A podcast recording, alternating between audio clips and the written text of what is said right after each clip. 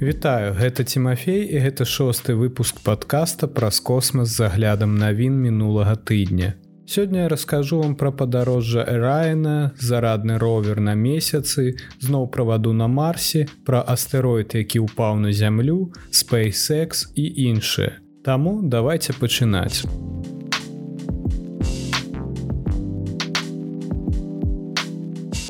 Увесь гэты тыдзень уся ўвага аматараў космосу прыкавана да місіі NASAа Атаміс1. Я раскажу вам асноўныя навіны аб абнаўленні місіі на момант запісу падкаста 26 лістапада. Сёння ўжо 11 дзень палёту. За гэты час Эрайн паспеў зрабіць шмат цікавага.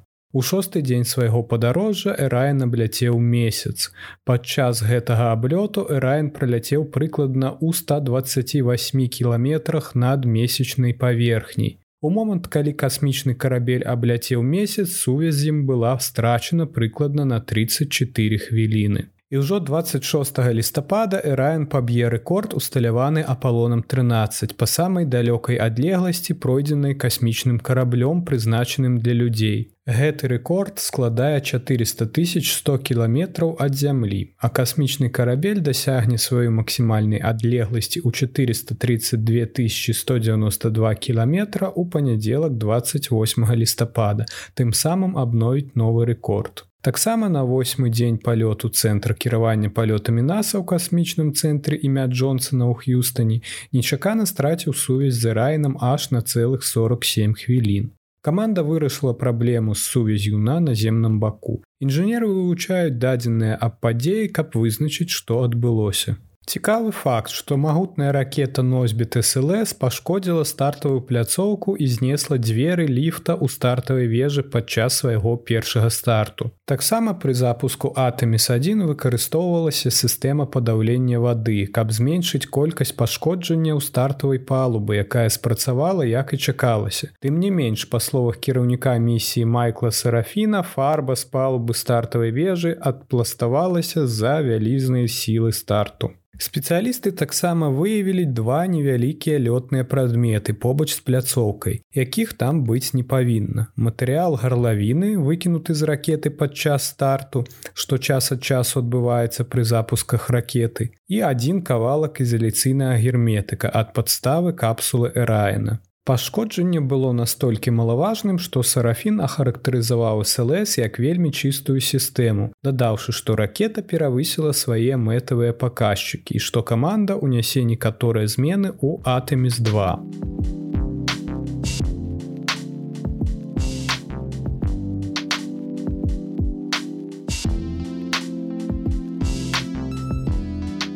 Малюсенькі японскі пасадачны модуль, які ляцеў разам з місіі Атэміс1, я расказваў вам пра яго ў мінулым выпуску падкаста. На жаль, так і не зрабіў пасадку на месяцы. Сувязь з пасадачным модулем усталяваць не ўдалося. І было ўстаноўлена, што аперацыя месяцовага пасадачнага манёўру не можа быць выканана. Напісала ў твиттары японскае агенцтва аэракасмічных даследаванняў у панядзелак 21 лістапада. Японскі модуль і 9 іншых кюбсатаў аддзяліліся ад ракеты Атэміс1 СЛС у хуткім часе пасля запуску. Малюсенькі японскі летальны апарат быў заўважаны ў космосе ў нядзелю і ў панядзелак. Гэта дае надзею, што яго можна будзе перанакіраваць на новую місію прыкладна ў сакавіку 2023 года, калі ўмовы сувязі могуць палепшыцца. У той жа час працягваецца расследаванне, каб высветліць, чаму модуль не ўдалося своечасова спыніць. Першапачатковае паведамленне з наземнай станцыі паказвалі, што сонечныя батареі кюбсату не павёрнуты да сонца і ён хутка круціцца. Каманда паспрабавала выправіць гэта, выпусціўшы крыху паліва, каб супрадзейнічаць руху. Напісалі яны ў твиттары. Але з-за недастатковай напругі каманда вымушана была адключіць перадатчык. Першапачаткова чакалася, што касмічны карабель зробіць жорсткую пасадку з вышыні ад 100 до 200 метраў над месяцовай паверхняй. Пасадка павінна была быць больш мяккай з-за падушак бяспекі і сістэмы амартызацыі, каб касмічны карабель змог перажыць сутыкненне. Але на дадзены момант кюбсад дрейфуе ў адзіноце ў глыбокім космосе і на працягу наступных некалькіх месяцаў арбітальная дынаміка паміж зямлёй і модулям не спрыяе спробе новай місіі. Але гэтыя дзверы могуць адчыніцца вясной. Кюбсад прыляціць міма месяца і адзін раз наблізіцца да зямлі, а затым вырвецца з зямнога прыцягнення. У сакавіку кручэнне касмічнага карабля пры ўмове, што яно застанецца сталым, павінна лепш супадаць сонцам, што дазволіць яму атрымліваць больш энергіі ад сонечнага выпраменьвання, дадалі прадстаўнікі місіі. Яны плануюць аднавіць даследчыя аперацыі прыкладна ў гэты ж час.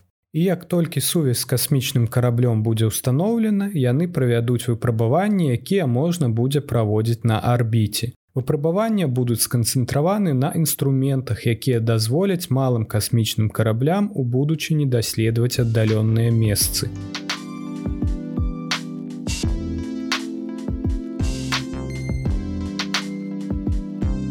SpaceX 26 лістапада робіць другую спробу запуску грузавога касмічнага карабля Драган на касмічную станцыю. Драган даставіць на мкс навуковыя эксперыменты і тэхналогіі, якія дапамогуць у даследаванні вырошчвання раслін у космосе, стварэння пажыўных рэчываў, будаўніцтве і многім іншым. Бесперапынная крыніца ежы неабходна для працяглых даследчых місій. І тыповы рацыён касманаўтаў, магчыма, запатрабуе дапоўніць свежымі прадуктамі, вырабленымі ў космосе. Навукоўцы раней ужо тэсціравалі установку для вырошчвання раслін на станцыі вядомай як веджы і паспяхова вырошчвалі розныя віды зеляніны. І наступны крок у гэтай працы будзе вырошчванне карлікавых таматаў. Навуковы супрацоўнік праекта NASA Life Scientist Джоя Маса кажа, што яны тэсціравалі памідоры, вывучаючы ўплыў светлавога спектру на тое, наколькі добра расце ўраджай і наколькі смачныя і пажыўныя яны вырастаюць. Яны таксама вывучалі агульны ўплыў гэтых культур на здароўе экіпажа. Усё гэта дасць каштоўныя дадзеныя для будучых касмічных даследаванняў. Навуковы супрацоўнік дадае, што памідоры можна есці свежымі, яны пажыўныя і шырока ўжываюцца ў ежу. Карлікавы сорт памідораў черы, выкарыстаны ў даследаванні, добра рос падчас наземных выпрабаванняў і даў вялікі ўраджай смачных пладоў. Драган таксама даставіць на станцыю другі камплект сонечных батарей. Першыя дзве сонечныя батареі былі запушчаны на борце SpaceX22 і ўстаноўлены ў 2021 годзе. Гэтыя сонечныя панелі, якія раскочваюцца як дыван або дыванок для йогі, пашыраюць магчымасці касмічнай станцыі па вытворчасці энергіі. Другі камплект, які запускаецца ў багажніку SpaceX26, забяспечвае павелічэнне магутнасці на 20-30 адсоткаў.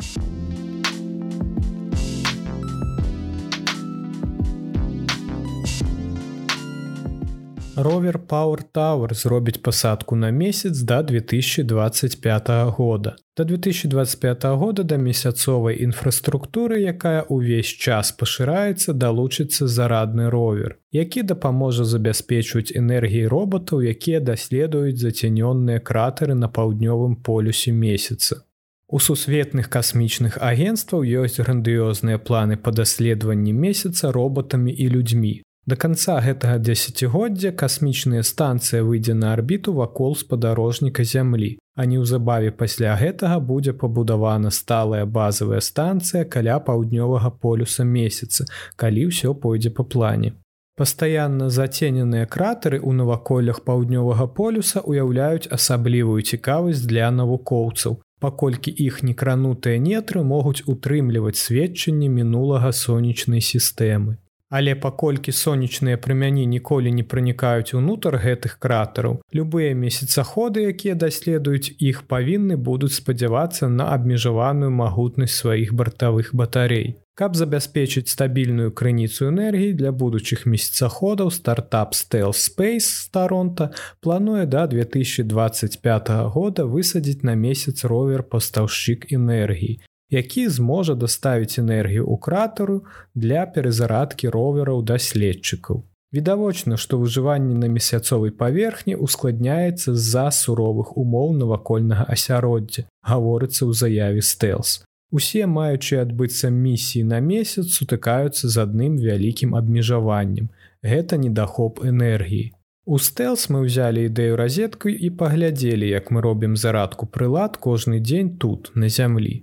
Ровер змесціць зарадны куб унутр кратара, затым прыпаркуецца на краі кратара і разгарне свае сонечныя батареі насупраць сонца. Ён будзе перадаваць вырабленую электраэнергію па кабелі на зарадны куб у сярэдзіне кратара, дзе даследчыя месяцаходы змогуць падключыцца да яго па бесправадной сетцы і зарадзіцца.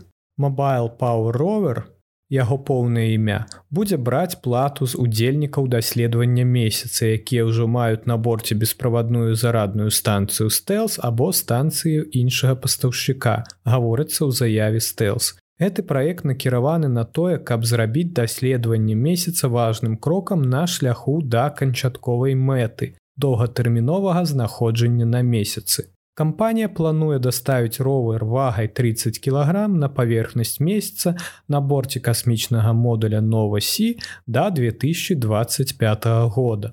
Кампанія дадала, што беспроводная зарадка будзе добра працаваць у касмічным вакууме Для павышэння надзейнасці тэхналогій кампанія выкарыстоўвае кампаненты распрацаваныя для марсаходаў, геастацыянарных спадарожнікаў і зондаў далёкага космасу. Іншыя прыватныя кампаніі, а таксама касмічныя агенцтвы ў цяперашні час распрацоўваюць тэхналогіі, якія дапамогуць стварыць сталую экасістэму на месяцы і вакол яго. Напрыклад, у 2020 годзе NASAа заключила контракт з фінскай тэлекамунікацыйнай кампаніяй Nokia на установку сістэмы сувязі LTE4G на месяцы. Тым часам еўрапейскае касмічнае агенцтва пачало распрацоўку месяцовай спадарожнікавай навігацыоннай сістэмы, што пашырыць зону дзеяння спадарожнікаў GPS да месяца.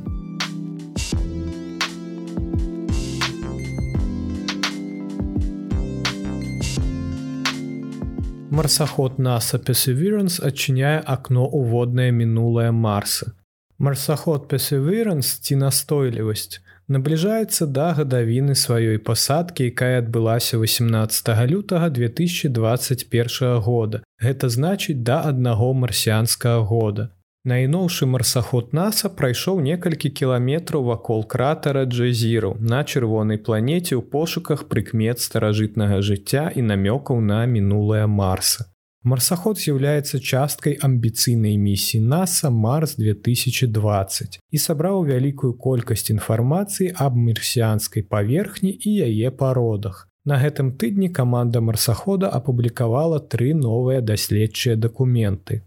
Perseverance самы прасунуты марсаход NASA, які можа вывучаць марсіянскія пароды больш падрабязна, чым любы яго папярэднік. Яго набор прылад уключае ў сябе масткам Z, вочы марсахода, якія дазваляюць яму вывучаць горныя пароды на адлегласці, а таксама шэрлак і піксел. Две тэхналогіі, якія выконваюць рэнтгенаўскую і ультрафіолетавую спектраскапію, якія падрабязна аналізуюць склад горных парод і мінералу. На працягу дзесяцігоддзяў такія спадарожнікі, як Марс Рекансис Орбіта даследавалі марсіянскую паверхню ў пошуках цікавых месцаў для вывучэння. Раён вакол месяца пасадкі Песеверэнс у кратары Джезеру асабліва цікавы астраномам, паколькі яны падазраюць, што раней гэта была дельта ракі, якая ўпадала ў возера, якое змяшчаецца ўнутры самого кратара. Вада была даўнім аб'ектам цікавасці на марсе, пачынаючы з першых малюнкаў высечанага вадой каньёна даліны марынер, зробленых апаратам марынер 9 у 1970-х годах і заканчваючы прамым сведчаннем наяўнасці вадзянога лёду, выкапанага такім пасадкавым модулем як Фенікс у 2010 годзе. Хоць добра вядома, што ў нейкі момант на марсе было крыху вады. Планетолагі ўсё яшчэ спрабуюць высветліць дэталі часовай шкалы і колькі дакладна вады было ў той момант. Пры пасадцы ў джезераў мы вывучаем пароды, якія нашмат старэй, чым на іншых папярэдніх месцах пасадкі, што дапамагае нам зразумець самыя старажытныя часы ў гісторыі Марса, калі, як мы думаем, ён быў найбольш прыдатны для жыцця.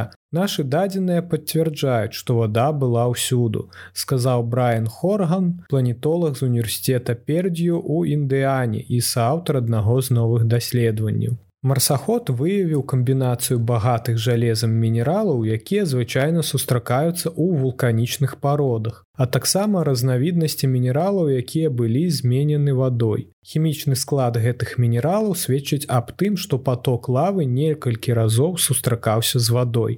Першы раз тут цякла цёплая вада, а потым ужо салёная. Гэтая вада магла прыняць форму азёр ці можа быць нават грунтовых вод, якія праходзяць сквозь скалы. Вынікі гэтых даследаванняў дэманструюць унікальныя магчымасці марсахода Пасевірн, скажа Шайлер Борхес, планетолог з універсітэта паўночнай Арызоны, якая вывучае марсіянскія аналагі на зямлі. Яна асабліва ўсхвалявана тым фактам, што вада неаднаразова з'яўлялася на марсе ў мінулым паколькі большая колькасць вады азначае больш магчымасцяў для жыцця, калі яно існавала. Марсаход таксама выканаў дзве бонусныя місіі для дэманстрацыі новых тэхналогій. Першых з эксперыментаў быў па стварэнні кіслароду з марсіянскай атмасферай, а другі верталёт інжынюоці. Хоць інжынюоці першапачаткова прызначаўся для таго, каб проста даказаць, што чалавечыя тэхналогіі могуць лётаць на іншай планеце, ён ператварыўся з проста паспяховай дэманстрацыі тэхналогіі ў карыснага спадарожніка для навуковай разведкі з вышыні птушынага палёту. Дадзеныя назіранні ў марсахода за палётамі інжынёці далі камандзе больш інфармацыі аб тым, як рухаецца пыл на марсіанскай паверхні. Гэта толькі пачатак для песівіранс. Ён ужо рыхтуецца да будучых даследаванняў, захоўваючы ўзоры пароды, якія ён здабыў з марсіанскай паверхні. Аднойчы NASAа і еўрапейскія калегі плануюць атрымаць гэтыя ўзоры і даставіць іх на зямлю для дальнейшага вывучэння.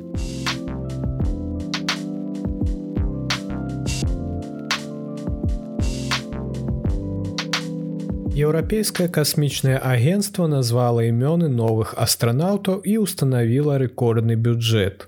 Еўрапейскае касмічнае агенцтва або ека аб'явіла аб пяці новых астранаўтах, а таксама першым у гісторыі наборы па падрыхтоўцы астранаўтаў з інваліднасцю. Это адбылося ў сераду пасля прыняцця рэкорднага бюджэту для фінансавання сваіх праектаў. Новабранцы пачнуць навучэнне ў наступным годзе і чакаецца, што яны не адправяцца ў космас з місіі да 2026 года. Ека таксама аб'явіла імя першага касманаўта з абмежаванымі фізічнымі магчымасцямі. Ім стаў брытанскі доктар і параалімпійца Джоны Макфолы, які далучыцца да асобнай праграмы для параастранаўтаў. Правая нага 41гадовага спартоўца была ампутавана пасля аварыі на матацыкле ва ўзросце 18 гадоў. Ён стаў спрынтарам, заваяваўшы бронзу на параалімпійскіх гульнях у 2008 годзе. Ён кажа, што для яго гэта быў даволі галавакружны досвед, улічваючы, што, будучы чалавекам з ампутаванай канечнасцю, ён ніколі не думаў, што стане касманаўтам. Яка таксама стварыла рэзерв астранаўтаў шасці жанчын і пяці мужчын, якія прайшлі адбор і могуць быць прызваны ў будучыні ў выпадку неабходнасці. Новыя астранаўты былі названыя пасля двух дзённых перамоваў міністраў з 22 дзяржаў членаў ЕК, якія сабраліся ў парыжы, каб прыняць рашэнне аб будучыні фінансавання агенства. Яны дамовіліся аб бюджэце ў памеры 16,9 мільярдаў еўра на наступныя тры гады, што на 17соткаў больш, чым у мінулым перыядзе. Павелічэнне сродкаў было неабходна Еўропе, каб не спазніцца на цягнік канкурэнцыі космасе з боку ЗША і Китая. Перамовы аб укладзе кожнай краіны працягваліся да апошняга моманту перад аб'явай. Найбуйнейшымі фундатарамі сталі нямметчына з трох з паловамі мільярдамі еўра, Францыя з тремя цэлымі 25 сотымі мільярдамі еўра і Італі з тремя цэлымі адной десятымі мільярдамі еўра. Аднак агульная сума выдзеленых сродкаў застаецца нашмат ніжэй за бюджэт NASAа, які складае 24 мільярды долараў толькі на 2022 год. Праграме назірання зямлі, якая адсочвае змяненне клімату на зямлі, павялічылі фінансаванне на 6соткаў да амаль 2,7 мільярда еўра. Бюджэт работатэхнікі і чалавека падскочыў на 36соткаў да 2,7 мільярда еўра а тэлекамунікацыі выраслі на 19соткаў да 1,9 мільярда еўра. Бюджэт на ракетныя комплексы павялічаны на трэць да 2,8 мільярдаў еўра. Ракеты носьбіты, якія былі прадметам далікатных перамоваў, маюць вырашальнае значэнне для таго, каб Еўропа магла адпраўляць місіі ў космас без старонняй дапамогі. Еўрапейскае касмічнае агенцтва з усіх сіл спрабуе адарвацца ад зямлі з таго часу, як у пачатку гэтага года Расія адклікала свае ракеты саюз у адказ на еўрапейскія санкцыі ў сувязі з уварваннем Масквы ва ўкраіну. Праца ускладняецца з-за затрымак з флагманскай ракеты Арыан 6, якая павінна была здзейсніць свой першы палёт у 2020 годзе, але зараз стартуе толькі ў канцы наступнага года. Ека нават прыйшлося звярнуцца да выкарыстання ракет Falалcon 9 свайго канкурэнта SpaceX для запуска двух маючых адбыцца навуковых місій. Місія Экзамарс, якая павінна высадзіць першы еўрапейскі марсаход на Марс, якая засталася без транспарта пасля таго, як Расія адклікала свае ракеты, будзе працягнута з дапамогай ЗША.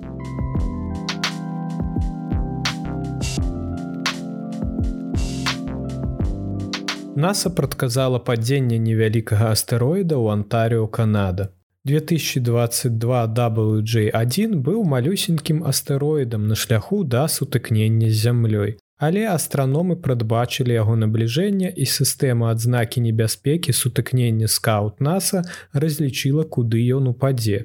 Раніцай у суботу 19 лістапада неба над паўднёвым Антарыо асвятлілася, калі малюсенькі астэроід пранёсся па небе высока ў атмасферы зямлі, раскалоўся і, верагодна, раскідаў маленькія метэарытыкі па паўднёвым узбярэжжы возера Антарыо. Вогненны шар не быў нечаканасцю. Астэроід шырынёй прыкладна 1 метр быў знойдзены за тры з паловай гадзіны да ўдару. Што зрабіла гэтую падзею шостым выпадкам у гісторыі, калі невялікі астэроід адсочваўся ў космасе да сутыкнення зямной атмасферай. Перад наса пастаўлена задача выяўлення і адсочвання значна буйнейшых аб'ектаў, якія збліжаюцца з зямлёй і якія могуць перажыць праходжанне праз атмасферу зямлі і прычыніць шкоду на зямлі. Але гэтыя аб'екты таксама могуць быць выяўлены значна раней, чым маленькія аб'екты, такія як астэроід, які прыляцеў да Антарыо. Такія невялічкія астэроіды не ўяўляюць небяспекі для зямлі, але яны могуць быць карысным тэстам для планетарнай абароны NASAа, якая выяўляе, адсочвае і вызначае арбіты і прагназуе сутыкненні. Астэроід быў знойдзены фінансуемай NASAа кампаніяй Каталіна Sky Survey, штаб-кватэры якой знаходзіцца ў арызонскім універсітэце ў Тусоні.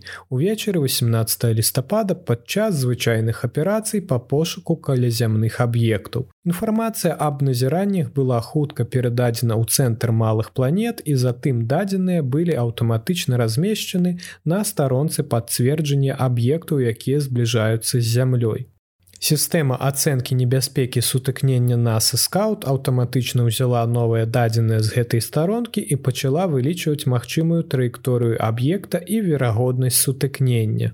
Праз 7 хвілін пасля таго, як астэроід быў апублікаваны на старонцы пацверджання, скаут вызначыў, што верагоднасць яго сутыкнення зямной атмасферай складае 25соткаў а магчымыя месцы падзення распрасціраюцца ад атлантычнага акіяна ля ўсходняга ўзбярэжжа паўночнай Амерыкі да Мексікі. Затым астранамічная супольнасць, у тым ліку астраномы аматары з канзаса прадставілі дадатковыя назіранні, каб лепш удакладніць траекторыю астэроіда і магчымае месца падзення. Як і меркавалі, у 327 раніцы па ўсходнім стандартным часе астэроід пранёсся праз атмасферу зямлі пад невялікім кутом і раскалоўся. Верагодна, выклікаўшы струмень невялікіх метэарытаў і не пакінуўшы ніякіх паведамленняў аб пашкоджаннях на паверхні.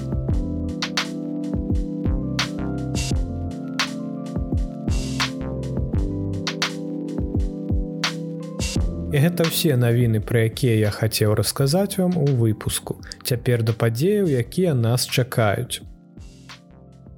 30 лістапада SpaceX запусціць японскі пасадачны модуль і месяцаход з аб'яднаных арабскіх эміратаў. Кампанія iSpace са штаб-кватэрай у Токіо імкнецца ўвайсці ў месячную гісторыю. 30 лістапада запланаваны запуск пасадачнага модуля на кута R кампаніі iSpace Токіо з пасадкай каля месяцовага кратара Атлас. iSpace можа стаць першай у гісторыі прыватнай кампаніі на месяцовай паверхні. Накута Р стартуе на ракете SpaceX Falcon 9 са станцыі касмічных сіл на мысе Канаверал у Флорыдзе і прыбудзе на месяц не раней за красавік 2023 года. Пасля пасадкі на кута Р разгорне невялікі ровер з аб'яднаных арабскіх эміратаў пад назвай Рашыт. Чатырохколавы усяход будзе вывучаць месяц на працягу 14 зямных дзён з дапамогай камеры, цеплавізара, мікраскопа і зонда, прызначанага для вывучэння электрычных зарадаў на месяцовай паверхні. Аднак да канца незразумела, ці стане на кута Р першым прыватным прадпрыемствам, якое прызямлілася на месяцы. Ужо зараз у яго з'явіліся канкурэнты. NASA даручыла кампаніі Intuitive Machine запусціць свой месяцовы пасадачны модуль Новасі, запуск якога запланаваны на сакавік 2023 года. І яшчэ адзін месяцовы пасадачны модуль Астробатик Перегрин стартуе ў першым квартале 2023 года, калі верыць календару запускаў. Бяспечна прызямліцца на месяцы складана, асабліва для прыватных кампаній, у якіх няма рэсурсаў нацыянальнага ўраду, Напрыклад, пасадачны модуль берешшыт кампаніі Space EL, які фінансуецца з прыватных крыніц, пацярпеў крушэнне падчас спробы прызямліцца на месяцы ў 2019 годзе. Тым не менш, надыходзіць новая эра, калі невялікія камерцыйныя пасадачныя апараты ваўсю рыхтуюцца да прызямлення на месяцы, каб пракласці шлях да будучых высадак людзей. Хакута, што ў перакладзе з японска азначае белы трусік, было назвай каманды, якая кіруецца iSpace для ўдзелу ў конкурсе Google Lunar X Prize. Google Lunar X Prize прапанаваў 20 мільёнаў долараў першай прыватнай групе, якая зможа высадзіцца на месяцы і выканаць некалькі задач, але ў 2018 годзе пераможца так і не атрымаў прыз. На кута R R азначае перезагрузка. Спачатку планаваў прызямліцца на месяц у 2021 годзе, але яго затрымалі з-за тэхнічных праблем і іншых прычын. Кампанія імкнецца ў канчатковым выніку забяспечыць засяленне людзей з дапамогай месячнага вадзянога лёду, які можна здабыць на месяцы. Пажадаем поспехаў гэтаму амбіцыйнаму праекту, а я працягну сачыць за навінамі аб гэтай місіі.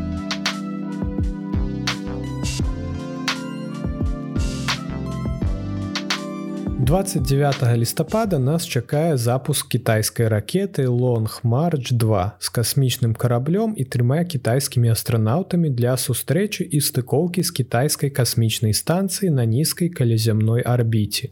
Это ўжо десятая пілатуемая касмічная місія Китая і чацвёртая на кітайскую касмічную станцыю.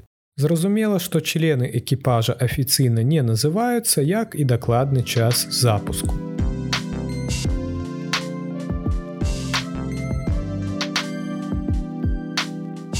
Пачатку снежня ёсць верагоднасць яшчэ аднаго запуску Falалcon 9 са спадарожнікамі OneWeb. Ракета SpaceX Falалcon 9 выведзе на арбіту 40 спадарожнікаў для OneWeb, якая распрацоўвае і разгортвае групоўку сотняў спадарожнікаў на нізкай каляземной арбіце для шырокапалоснай сувязі з малай затрымкай. Гэта будзе першы запуск спадарожнікаў OneWeb сумесна са SpaceX.